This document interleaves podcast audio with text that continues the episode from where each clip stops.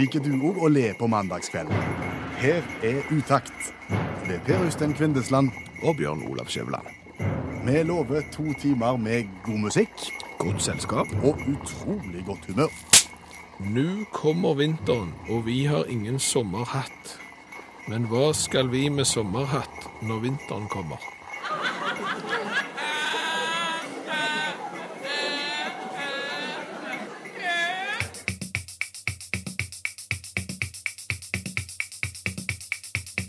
Og dermed så var vi i gang igjen, og det føles godt. Utakt i NRK P1 ved Kvindesland og Skjæveland. Ja, og vi vil jo bare få lov å minne om formålsparagrafen til dette programmet. Den er veldig enkelt. Vi skal være godt selskap på en mandagskveld. Mhm.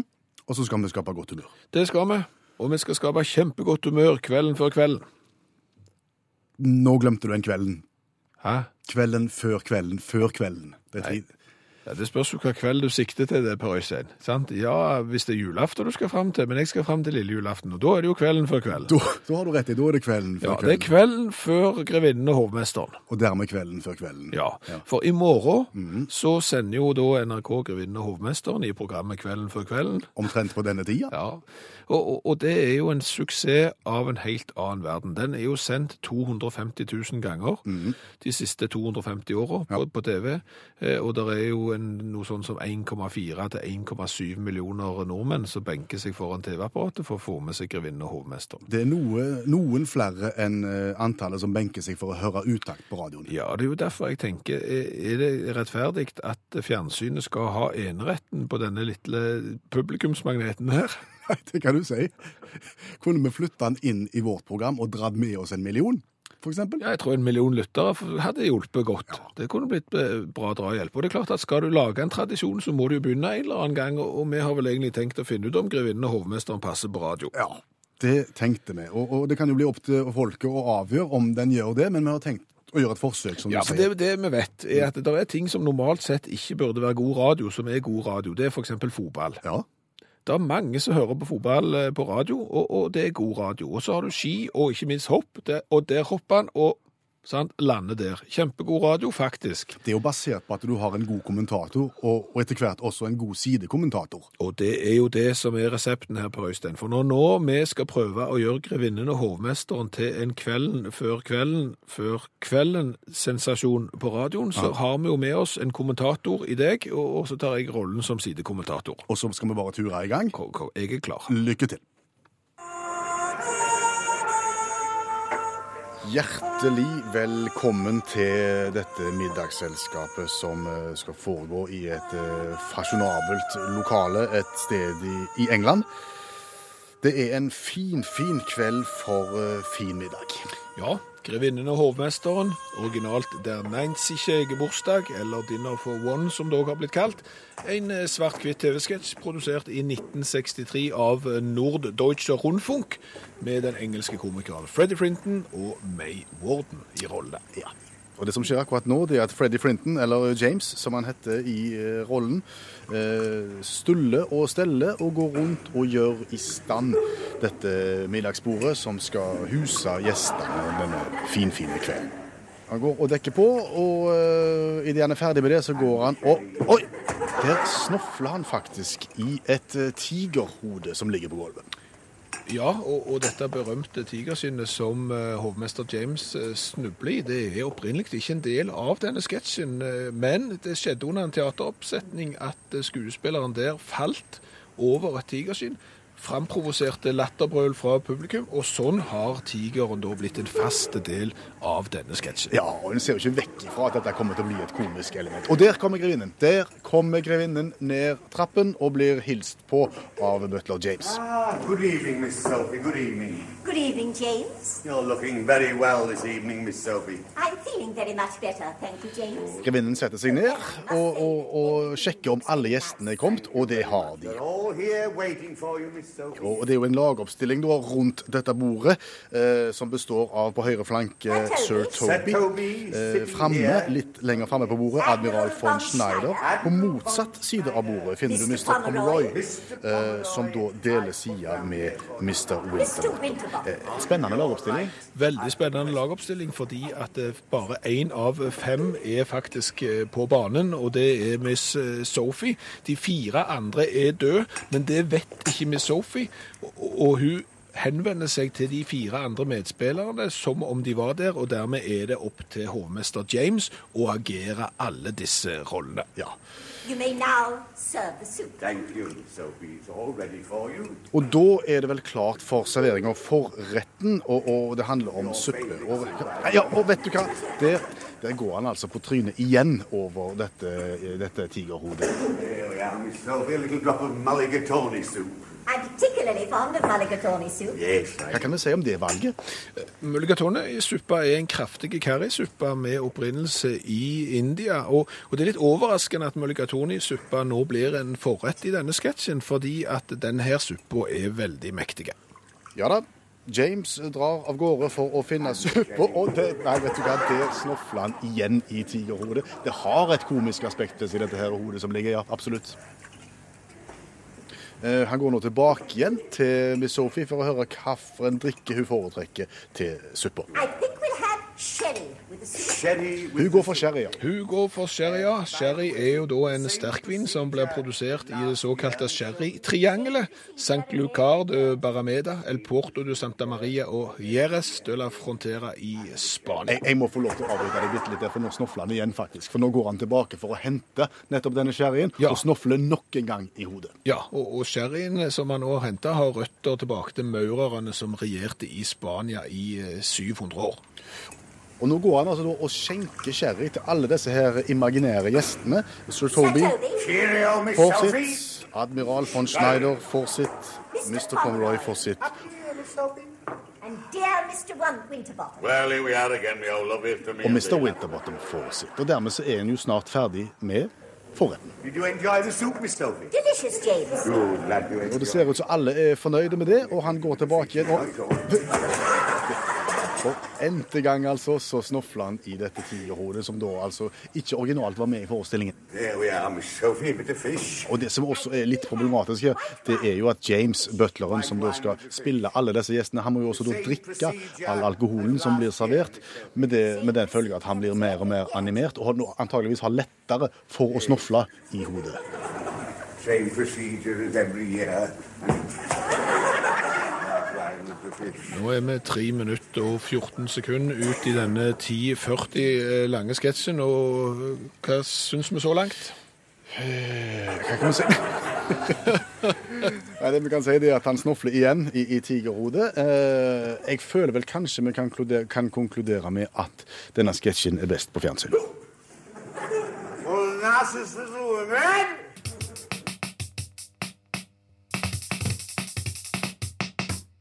Og Skjæveland, min eh, kompanjong i radiostudio akkurat nå, har vært ute og reist. Han har vært i London. Og vi har en tradisjon i dette programmet at når eh, deler av personalet har vært på reise, så, så plikter vi å dele erfaringer fra det vi har opplevd på reisen, med medprogramlederen og Utakt sine lyttere. Ja, og, fordelen med dette er jo at det blir jo som et lite reisebrev, og det, og det er jo ingenting som er bedre for brukerjournalistikk enn å komme med, med tips og observasjoner fra, fra reiser som, som andre kan ja, benytte seg av.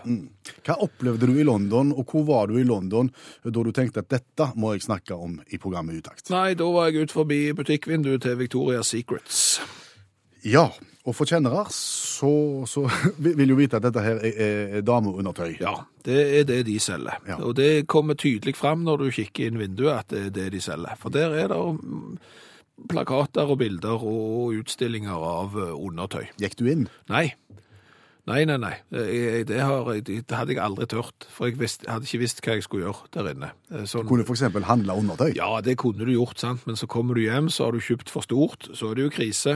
Eller så kjøper du for lite, og, og det er jo for så vidt litt skrøyd, men det er jo litt krise det òg, for det er så langt å bytte det. sant? Så det tårer du ikke. Så, så jeg sto på en måte bare ute og kikte, og grunnen til at jeg sto og kikte, det var at jeg fikk øye på en neglisjé. Og, og da er det fort gjort å bli stående. Det, det kan du si, men, men, men eh, det som slo meg når jeg sto der eh, ut forbi butikkvinduet til Victoria's Secret i, i London og kikket på denne neglisjeen, det var hvorfor i all verden hette det det? Ja, det kan du si. Hva er neglisjé? Skal vi begynne der, Altså, kanskje? en neglisjé er jo, ja, hva er det egentlig? Det er vel en liten duk med, med noe søm på. Det er ikke noe du tar på deg hvis du fryser. Nei, det, det er ikke et spesielt varmende plagg. plagg. Det er vel egentlig bare noe nylon og noe chiffon og noe mirakels som eh, utelukkende har den oppgaven at det, det skal virke kanskje litt pirrende. Akkurat. Ja. Den ble du stående og se på lenge. Ja. Og lurte på hvor navnet kom fra. Ja, fordi at jeg har jo vært au pair i Frankrike. Ja. Det er ikke så mange mannfolk som har vært au pair i Frankrike, og som ikke har blitt frisør etterpå. Og det har ikke jeg blitt. Befatter du deg med neglisjeer da? nei, men ordet neglisjé eh, mener jeg jo kommer fra fransk. Altså hvis du blir neglisjert, sant? Så, så, så da er du forsømt og Oversett. oversett og, og behandla skjødesløst på en måte. sant? Altså du, er- du er jo der. Men, men hvis du er neglisjé, Ja. da Da, da vekker du oppmerksomhet. Ja, på en måte. Så, så, så jeg aner ikke hvor dette navnet kom ifra. For, for det er klart at det, hovedoppgaven til neglisjeen er jo å gjøre at du ikke blir neglisjert. Det kan du si. For fra stort sett andre bruksområder kan det jo umulig være. For det kan jo ikke være sånn at å nei, det var, som du sa, det er ikke noe varmplagg, at du kjenner at det trakk litt fra vinduet, så du tar på neglisjeen. Det, det er jo ikke der, sant? Å ha på et lett antrekk til kvelds, nei. Sånn at det, det ble jeg stående og tenke på da. Hvorfor heter det neglisjé når du da ikke vil bli neglisjert i en neglisjé? Ja, det er et godt spørsmål. Ja, Jeg tror vi lar det henge der. ja, jeg synes også det. Så neste gang du reiser til London, gå ut forbi vinduet til Victoria's Secret og stå grunn på dette i ditt hjerte.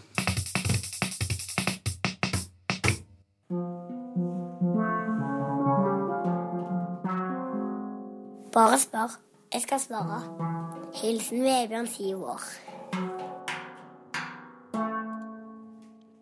Det skal bli spennende å høre hva syvåringen Vebjørn har å si til dagens spørsmål, for i dag er det julerelatert. Ja, det er klart det. Det er jo kvelden før kvelden. Før kvelden?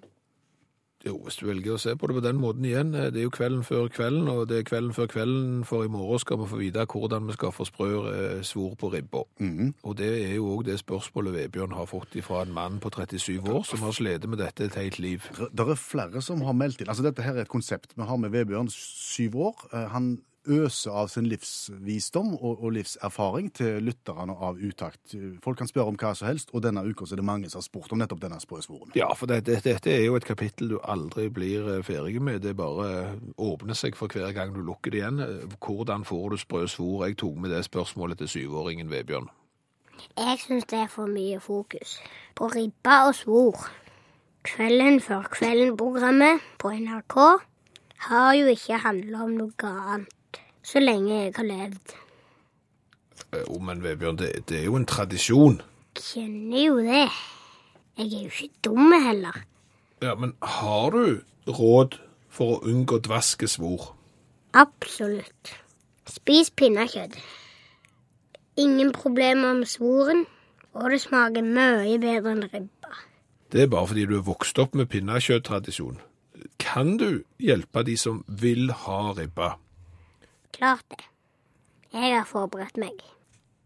Etter å sjekke YouTube, Google og nitidig lesing av kokebøker, har jeg kommet fram til en metode som fungerer veldig bra og gir veldig sprø svor. Problemet er bare at denne gangen kan jeg ikke si med 100% sikkerhet hvorfor det virker. Jeg kan bare konstatere at det virker. Jo, men at det virker er vel sikkert greit nok for folk. Hvorfor det virker, det er vel ikke så interessant. Gjerne ikke for deg, men det irriterer meg. Men nok om det.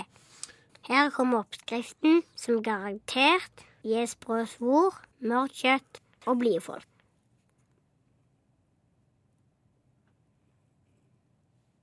Mm, nå ble det stilt. Hvorfor sier du ikke noe? Jeg kan jo ikke lese opp halve oppskriften på radioen. Det tar altfor lang tid, og folk får det ikke med seg. De små detaljene som gjør måltidet til en suksess, de forsvinner. Ja, det skjønner jeg, tror jeg, men hva gjør vi da? Vi legger ut oppskriften på Facebook-sida til Utakt. Så kan folk lese den der. Så kan meg og deg dra krakken bortåt glasset og si god jul. Ja, det høres ut som en uh, genial idé. God, God jul. jul. Sånn, nå er vi ferdige. Nå går vi hjem. Ja. Hva du ønsker deg til jul, da? Noe. Hva da? Noe. Vil du ikke si det? Nei. Hva nissen kommer med, tror du? La meg tenke. Kommer sikkert med ei såpeflaske til deg. Takk skal du ha.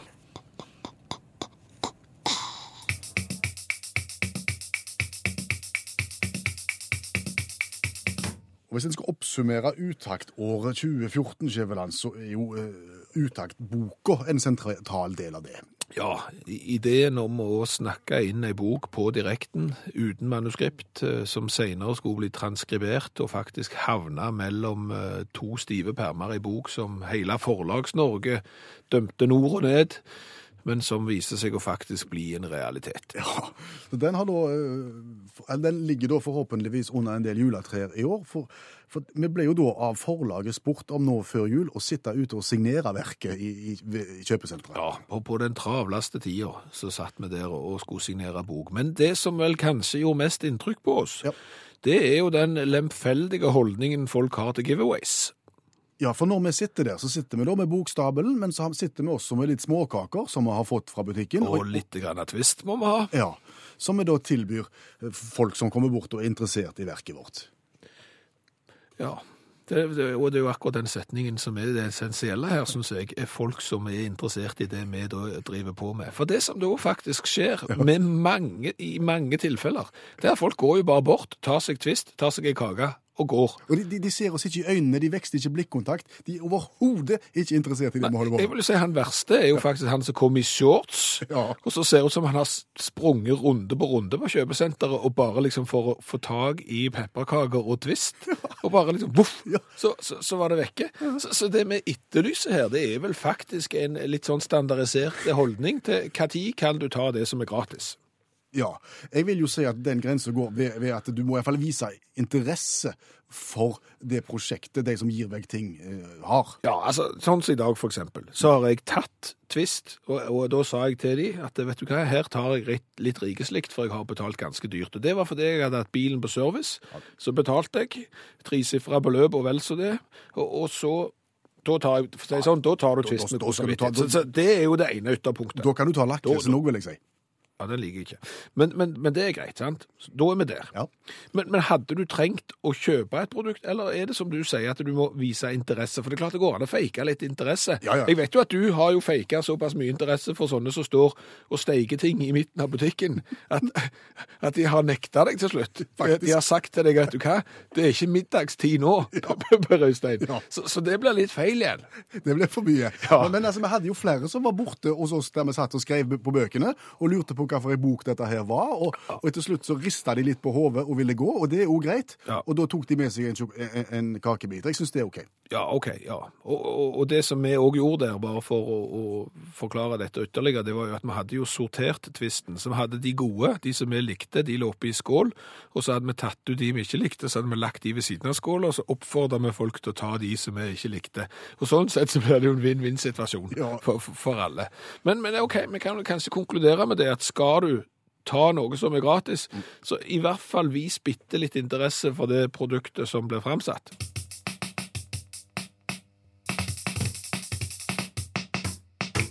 Skjæveland og Kvindesland drifter programmet Utakt i NRK P1 ved god hjelp av allmennlærer med to vekttall i musikk, Olav Hove. Og han har et innspill til oss i dag. Ja, han har bedt oss om å snakke om de som ikke har det så greit i jula. Skal ikke bare snakke om det som er kjekt å skoie dagen før dagen før dagen. Hove, hvem er det du spesielt tenker på? Nei, Det er jo mange å tenke på, men jeg tenker spesielt på Sean Smith. Hvorfor skal vi tenke på Sean Smith? Jo, Sean Smith, for, for, fordi at det er så lett å leve seg inn i enkelte sine skjebner. Og Sean han er mann i 40-årene, tre unger, kone, litt stressfull jobb. Kjenner dere igjen litt, sant? Og, så, og så nærmer det seg jul, og her på, her på torsdagskvelden så får han en tekstmelding av en kompis som sier skal vi ta et par øl på fredag, Sean? Torsdag nå? Ja, Altså, ja, for, ja, ja torsdag så var det nå. Um, og, og da sier han ja, et par øl kan vi ta, det er litt hektiske helg, men det går fint. Jeg skal bare sjekke med kona, og kona sier par øl går fint, men vi har jo litt hektiske helg, så det er greit hvis du er hjemme til sånn rundt Kveldsnytt, som BBC òg har. Eh, dette her er da sør i England, må vite. Det er ca. tre mil fra Dover, eh, som er litt viktig. Eh, han går ut med kompisene sine og tar seg et par øl. og Så, så blir, det, blir det fire øl, det blir fem og seks. Og, og midt i den sjuende så kommer det inn en mann som forteller historien om at helga før så hadde denne mannen rett og slett kjørt til Belgia og kjøpt røyksigaretter. For der er det billige sigaretter. Oh, ja. Så da anbefalte han dette her festlige laget, der Sean Smith er midt i sjuende pinten sin, som det heter der borte, å gjøre. En liten tur til Belgia blir de anbefalt litt utpå kvelden. Ja. Sean syns det er en strålende idé. Ingenting som en tur til Belgia litt sånn utpå kvelden her. Så han, eh, han, eh, han, han bestemmer seg for å bli med på dette her, da. Eh, og så sier de, stikker de innom kona og bare sier fra om det. Så jo da, sier Sean, springer inn til Ingerstø og tenker nei. Hun sover så godt. Jeg, jeg trenger ikke gi beskjed om det. Nei, og så sa, så han vi er tilbake igjen til morgen. Ja, ja, ja, ikke, ikke tenk på det. Så Sean legger seg i baksetet, sovner og våkner av dundrende flamsk popmusikk. Og, og, og og velkommen til Belgia. Kjøper 60 pakker sigaretter, usedvanlig billig. Hadde ikke fått 20 for det engang i England. Jeg er kjempefornøyd. Og Sean tenker kona og røyker, og dette her blir bra jul. Når han kommer hjem litt for soffen, litt for seint, så har han med 60 pakker sigaretter. Dette blir bra. ja, det er plaster på såret som vil noe. Ja, det er helt topp. Dette her går helt strålende. Humøret på topp helt til de kommer til en by som heter Calais. I Frankrike. Ja. Ja. Der står det en mann på grensevakten og sier at ja vel, ja, hvor har det var han? Jo, vi har vært i Belgia en tur. Ja, men så koselig. Um, bare for å se passet jeg, så er dette her greit. Um, og det går fint med de to i framsetet, men for Sean som begynner å bli litt heit i toppen, da, så, så har ikke han pass. Nei, fordi England er vel ut forbi Schengen òg, og da nytter det ikke med verken noe annet enn pass. ja. Ja. Det var til pass til han, kan du si. For, for, for, Han ligger og ruller i baksetet med Ja. 60 pakker røyk, men mangler pass. Ja, men så sier han ja, dette her kan vi ordne, bare ring hjem til kona og sånne ting, og, og alt det der, og så ordner vi det. Ja, men eh, det har seg sånn, sier Sean, at det er første gangen jeg er i utlandet, så jeg har ikke hatt pass. Nei, OK, men det, vi ordner det òg, sa han. Og før Sean vet ordet, av det, så, så, så ser han franske loffer under armene på folk og, og Paris gate, for da blir han sendt til Paris, til det engelske konsulatet der, og, og må få seg et nødpass til 99 pund, og tenker nå, Og da, er vi på fredag. Nei, da er vi kommet til lørdag. Da er vi kommet til lørdagsmorgen, Ja, og, da, og da begynner det å brenne under føttene på Sean, som ikke har penger, ikke har mobiltelefon, og vet at kona er nokså forbanna. For de to kompisene som reiste hjem med all den røyken, de har jo selvfølgelig ha det greit, men ikke Sean. Så Sean han sier altså, jeg, jeg, må, jeg må rett og slett få Jeg har ikke penger. Nei. Så da kunne det britiske konsulatet være behjelpelig til og, og la han få sitte og vente på det til det kom penger. Så han fikk da um, ringt hjem til bror sin, som sendte ned penger. Sean betalte, og så sier de på konsulatet Du, um, ikke for å pirke, Sean, men, men, vi men det er ikke noe sånn fødselsattest på deg. Du er liksom ikke født. Å, sa Sean. Da, ja, ja. Jeg er, født i, jeg er født i Tyskland. Det var sant. Sa jeg ikke det? Eh, nei, sa det britiske konsulatet. Og, og da forandra ting seg lite grann, Sean. Og helsiken. Hans Han hadde så mye røyk og skulle kose seg med kona si og en med andre. Da, da, men da må vi bare vi må finne ut av statsborgerskapet ditt. Så, så, men i ukas tid, Sean, så, så er det gjort. Eh, Da er vi kommet til søndag, ikke sant? og den tøffe helga den er, er temmelig tøff for Sean, og sikkert òg for kona, da. Eh, Så, så dermed så, så satt han der på søndag. Han satt der i dag, og eh, etter å ha fått sluppet ut av konsulatet og fått ete en bedre frokost på McDonald's, så fikk han gladnyheten at han fikk reise hjem igjen i kveld. da. Tok toget opp til Dover og videre da inn i eh, til heimbyen sin. Og Siste nyheten i kveld er at nå er han kommet hjem og har fått seg en kva- par solide rapp av ei kjevle. Og, og, men, men han er kommet som tysker da hjem til England, eller hvordan er det? Nå kommer han hjem med tysk pass, ja. Så, så, så det, det, det er en utfordring der. Men mye røyk. Ja, ja. Tyskere har jo hatt problemer med å komme inn i England før òg, de. Så det. Våre tanker går først og fremst til de pårørende til Sean.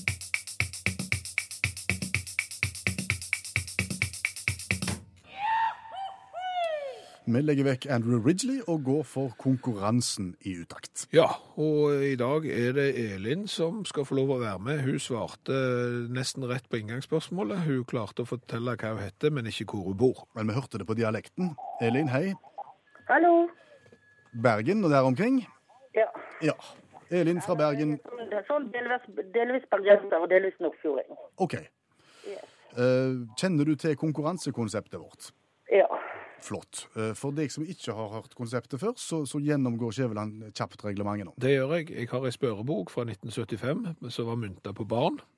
Eh, Der er det 66 sider, og så bare velger Elin et spørsmål vilkårlig. Eh, Svarer hun rett, så får hun gladjodling. Svarer hun feil, så må vi dessverre ta litt tristjodling. Men uansett så skal det ei T-skjorte med vedhals av gårde til Bergen. Høres det greit ut, Elin? Ja, det høres veldig fint ut. Ja. Eh, Skal vi begynne med å plassere deg i forhold til årstallet 1975? Hvor var du da? Ja, jeg var ganske liten. Du var ganske liten. Nå ble det litt, litt grann uklar lyd på telefonen din. Kan du gjenta det siste? Cirka, jeg flytter meg litt. Jeg var ca. tre år jeg, i, i 75. Ok. Akkurat. Ja, da, da Elin, hva side har du lyst til jeg skal åpne? Uh, 22. 22. Da er vi på den kategorien som heter Der datt side 22 ut, ja. Aktuelt mer og mindre. Og da har jeg 25 spørsmål å velge i. Eh, 24. 24. Hva heter den portugisiske avisen som ble okkupert av kommunistene i sommer? Nei, nei, nei. Nei, det, det var vrien, den. Da blir det, da ble det fristjodling på den. Ja, hvilken portugisisk avis ble okkupert av kommunistene i sommeren 1975? Det var Republica. Akkurat. Da noterer vi det, så har vi lært noe alle tre. Ja, det har vi lært. Nytt spørsmål. Sidetall, Elin. Ja, nå datt dere ut litt. Grann. Var det vi som datt ut nå? Da er det greit. Da er det 1-1 i utdetting. Ja. Hva, hva sidetall vil du ha? Eh, 13. 13, ja. Da blar vi opp på side 13, og spørsmål nummer 13. 13. Skal vi se hva sjanger det er. Musikk og sang det er på spørsmål eh, 13. En gresk storsanger med høy egenartet stemme holdt nylig konsert i Njordhallen i Oslo. Kjenner du navnet hans? Han hadde Nei. konsert i Njordhallen i 1975. Men, men en gresk storsanger med høy egenartet stemme, der bør det være eh, mulighet å knekke den koden på. Ja, jeg Han var veldig ser- glad i poncho. jeg- jeg- Ja, jeg ser for meg en mann med skjegg, langt skjegg. Stemmer Men jeg det. husker, ikke jeg husker ikke hva han het. Nei, og han brukte ikke medium i T-skjorta, for å si det sånn Eh, heller. nei. Det gjorde han ikke. Det som er litt interessant med denne mannen, det er at han sang i et heavy rock-band før. De, de sang blodtung rock, men han heter Demir Rousseau. Ja, det burde jeg egentlig huske. Kom den igjen. Ja, der kom den igjen, men det gjør ingenting. Nei. Demir Rousseau, så havna han i poncho på en eller annen klippe til slutt og sto og sang Whenever Forever eller noe sånt. Yes, siste sjans. Eh, 64. 64. Da, ja. Er det noen sånn sjanger du liksom syns er kjekkest å få hvis du er på quiz? Nei, jeg er egentlig ikke god på quiz i det hele tatt. Det gjør ingenting, for nå havner du da i kategorien hulter til bulter. Å ja. 23 spørsmål å velge i der. Uh, nummer to. Nummer to. Hva er plattsøm? Plattum. Plattsøm. Å ja, plattsøm, det er en, eh, det er en broderisøm.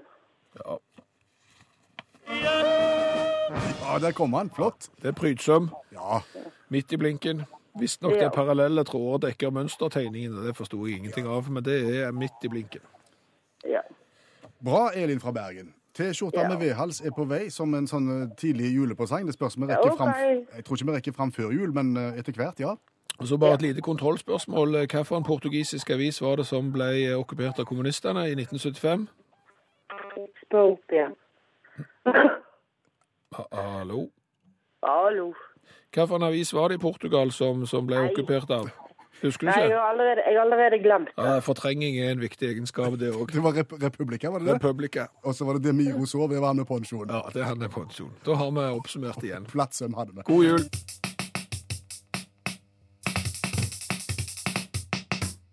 Nå skal vi snakke mat i programmet Utakt, og i den forbindelse pleier Skjæveland å stille følgende spørsmål. Finnes det noen mat i hele verden som ikke blir bedre av en runde i frityren? Og så langt er stort sett svaret nei. Ja, det er klart at eh, i fjor eh, kransekake i frityr, eh, ok, eh, gjerne ikke vondt, men iallfall spesielt. Men i kveld så satser vi på, på smak kombinert med nytteverdi. Ja, vi gjør det, fordi at det, det er som sagt, eh, hvis du tenker deg potet, sant? Potet er godt, eh, pommes frites bedre. Sånn er det. Eh, og, og pinnekjøtt, godt. Frityrt pinne, frityrstekt pinnekjøtt, sannsynligvis bedre. Ja, ja, ja, men som jeg sier, også nytteverdi. Jeg tenker at uh, etter en, en julefeiring så vil folk sitte igjen med en del pinner Ja. som en ikke har lyst til å hive og legge i kjøleskapet til en annen gang. Og går det an å gjøre det kvikt og enkelt godt? Ja, det er klart å hive de i mikroen er gjerne ikke noe. Har du prøvd eksempel med, med sånn uh, hva heter den der pureen du har på sida? Den kålrabistappa. Mm. Ta det i mikroen. Det, det, plutselig så spretter det og spruter, sånn at det- mikroen er full av gørr. Eh, Derfor kan jo frityrkokeren være et, eh, et alternativ. Men i altså kveld tar vi for oss pinnekjøttet. Yes. Eh, Du har fyrt opp grillen, eller oh, ja, ja, det er en livlig eim av frityr oppe på kjøkkenet her nå, og jeg har vært hos den lokale pinnekjøttpusheren Ja. og fått hele seks flotte Hva heter det for noe? Bein? Pinner. Pinner. Ja. Og det er vel egentlig bare å løpe på, er det ikke det? Nei, for dette, dette er spiseklare pinner, sant? Som, Ja, bare, som det- bare har blitt kalde. Ja, de skal bare varmes opp igjen nå i frityr, så dette er ikke sånn at vi liksom først har vann de ut, og så Så der, der er vi ikke. Ja, dette er egentlig bare et tips til dagen derpå, pinnesteking. Ja, og, og det er klart at har du lyst til å høre lyden? Ja, takk. Det er jo kanskje den vakreste lyden som fins, etter Gene Simmons som synger 'When You Wish Upon a Star'.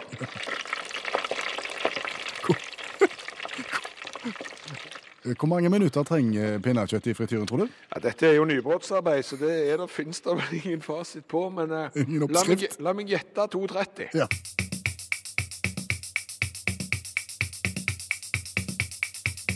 Det var Hanne Krogh som sang det i 2 minutter og 50 sekunder, mens Skjæveland klargjorde pinnekjøtt i frityr.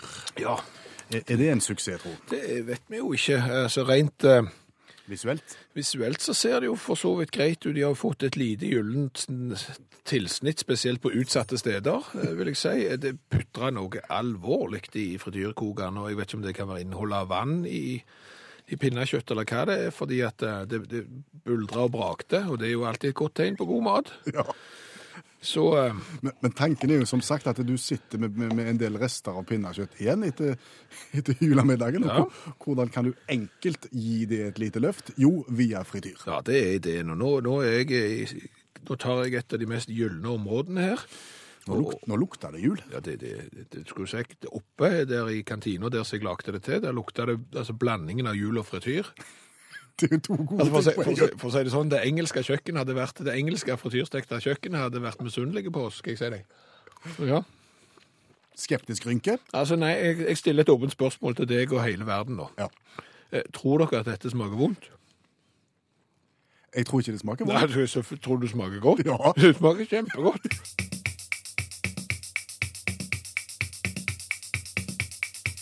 Og deler av personalet har vært på reise, dvs. Si Skjæveland har vært i London, og forplikter da å, å bringe lærdom med seg hjem til gamlelandet. Ja, forbrukerjournalistikk kalles jo det, og det er veldig populært. Så det vil vi òg bedrive. Ja, Fortell hva du har opplevd. Nei, altså, jeg eh, var jo på hotellet en eh, sen kveld, og så eh, gikk jeg alene der i gangen, for jeg skulle ned i depresjonen en tur. Og, og så eh, Depresjonen er sånn tullete måte å se resepsjonen Ja, på. sant? det er litt eh, det Ja, det er bare tull. Så jeg skulle ned i resepsjonen, og så gikk jeg der og tusla alene i gangen, og så imot meg så kom det da ei eh, dame. Eh, Så sier hun eh, hei til meg, Ja. og, og det er klart at jeg er jo norske, så der sier jo ikke folk eh, hei med mindre de er på høyfjellet. Så, så det kom litt bardust, for å si det sånn. Eh, Så jeg glemte ut hvor jeg var, og, og glemte ut eh, hva språk jeg egentlig burde snakket. Så Hun, jeg, hun sa hei, og du sa hei sann. ja, var det gale, da? Hun var japanske.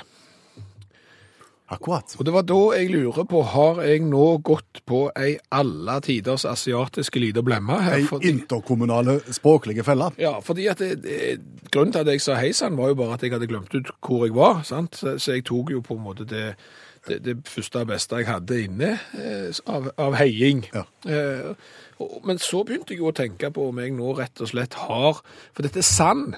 Ja, det, jo, det er jo mye brukt. Ja, det er jo det, og, og det var da jeg ble Jeg liker jo å framstille meg sjøl som en høflig mann. Eh, og det er klart at dermed så lurte jeg jo på etterpå om jeg har da fornærma denne dama, som var vel ca. 50 år, eh, av eh, Ja, så ut som kunne være fra Japan.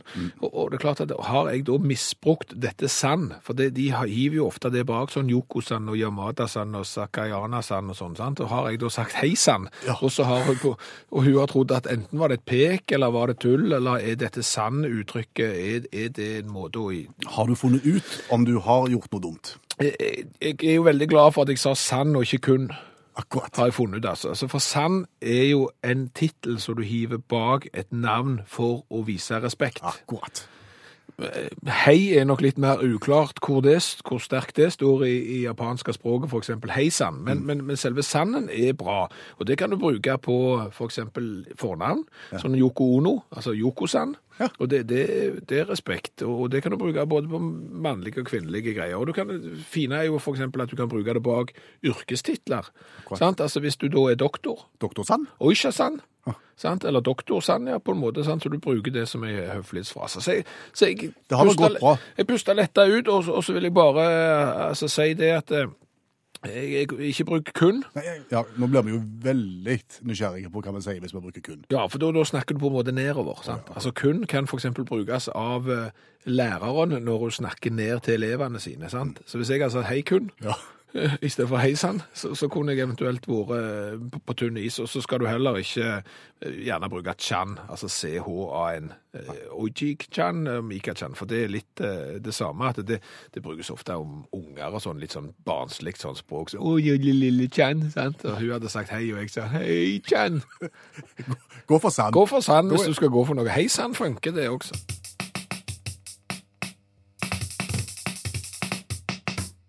Og Dette er Utakt i NRK P1 som har besøk av allmennlærer med to vekttall i musikk, Olav Hove, som mener vi bør også tenke på de som ikke har det spesielt kjekt nå når det stunder mot jul, og i kveld så tenker du først og fremst på På Lance Perry.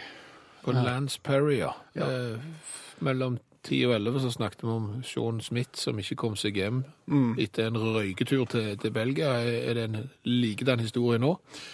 Nei, for det er oss som følger litt med på fotball, bitte litt iallfall, og, og kanskje spesielt er fascinert av, av, av eh, seriene i West Midland i England, så, så vet jo alle at Lance Perry er en habil midtstopper på, på Rowley College.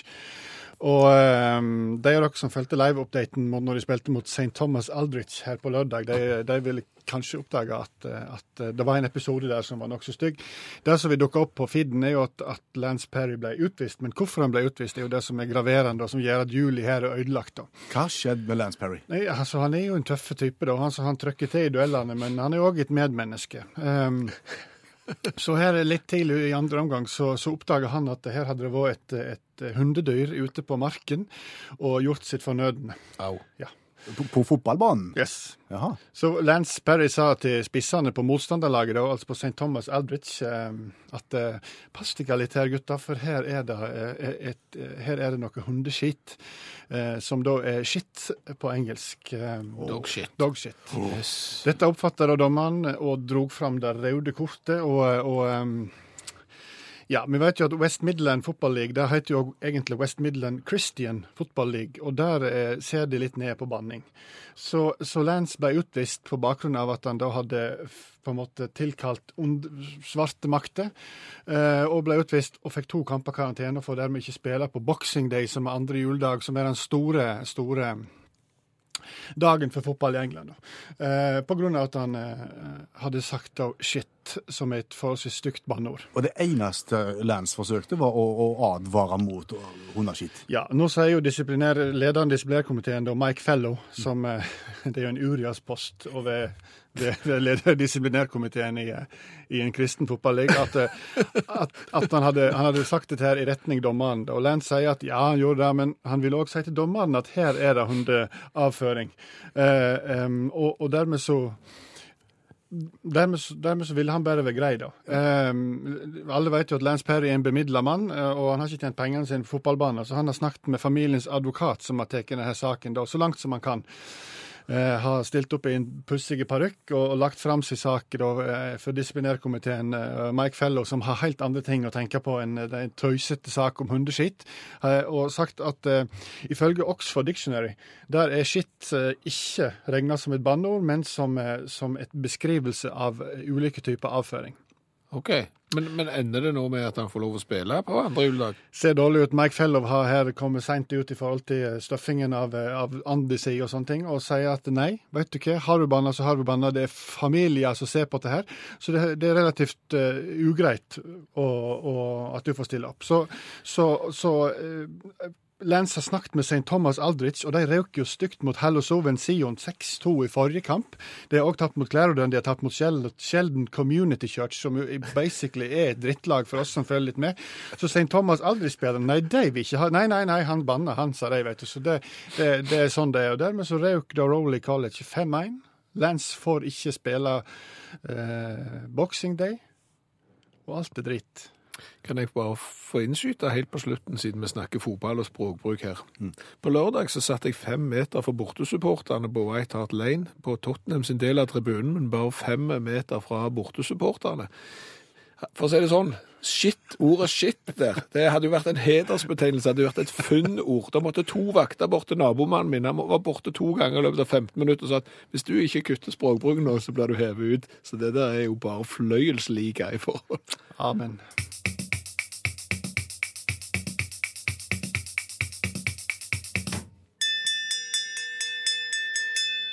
Utakt leser høyt fra boka 'Norges morsomste vitser'.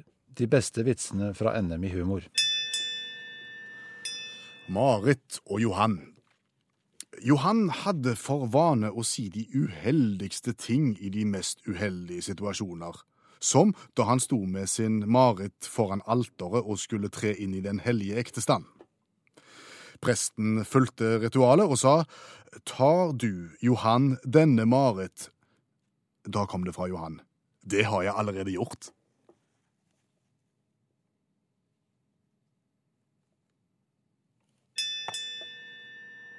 Du har hørt Utakt lese høyt fra boka 'Norges morsomste vitser'. De beste vitsene fra NM i humor. Og når vi feirer jul, så spiser vi gjerne grøt med mandel i. Og hvordan skal vi finne mandelen? Nei, det er jo det tilbakevendende temaet. Den mandelen ligger jo der og, og vager i grøten, og vond er den å få tak i. Men det er faktisk matematisk-vitenskapelige formler for hvordan du skal forholde deg til akkurat det der, for å få mandelen sånn at ungene ikke får den. Ja, ja, vi satte en matematiker på den jobben med for noen år siden. Ja, han tok med hele kollegiet sitt og ordna det der. og mat ja, Matematiker og matematiker. Han var jo frisør først, da. Ja, Men så omskolerte han seg pga. eksem. Ja, så, så ble han matematiker. Og så involverte han resten av kollegiet sitt. Og så turte de i gang og fant en liten formel for dette. Han heter Oddgeir Sværen, og, og teorien kalte han for Mandelkjerneteorien. Og den går kort og greit ut på Nei, Det sier noe om hvor en kan forvente at mandelen er plassert i en tilfeldig gitt skål. Dette høres lovende ut. Fortell meg. Ja, altså Vi har gjort en liten undersøkelse hvor vi har eh, kontrollert og sjekka med et tilfeldig utvalg mennesker. Over 50 eh, plasserer mandelen litt til høyre for midten når de danderer og lager til grøtskålen på julekvelden. Ok, Men så rører de jo rundt.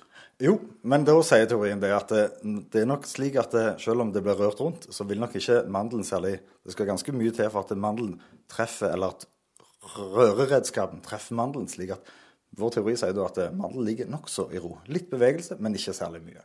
Har dette noe med beskaffenheten til grøten å gjøre? Ja, altså grøten har en veldig høy viskositet. Den er tung, tett, eh, og mandelen er en lett gjenstand, så den vil jo selvfølgelig ikke synke til bånn særlig lett, og vil ligge relativt høyt. De fleste verter, vertinner, de vil øse litt grøt oppå mandelen. Så vi regner med at mandelen er en, kanskje mellom 3 og 5-5,5 cm kanskje fra toppen. Og litt på høyre side av midten, altså. Men da tenker jeg skåla er runde, og hvor er høyre side av skåla? Ja, da er det veldig viktig det du skal gjøre da på julekvelden eller første den grøtserveringsdagen. Du må følge nøye med. For Um, Tenk deg verten står foran skålen, legger den til høyre, rører litt rundt. og Så tar hun selvfølgelig på høyre side av skålen og bærer inn. Så du må se hvor er den høyre siden av skålen når verten kommer inn.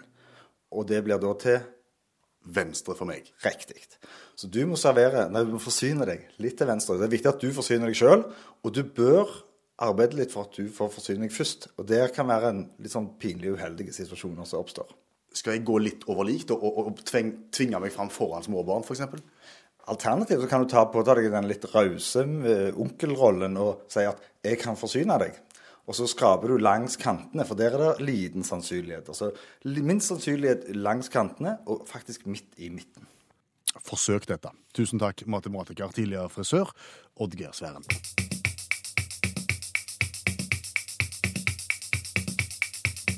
Eh, Og når det er sagt, så må vi si takk for innsatsen til alle som har bidratt med gode ideer til programmet i kveld.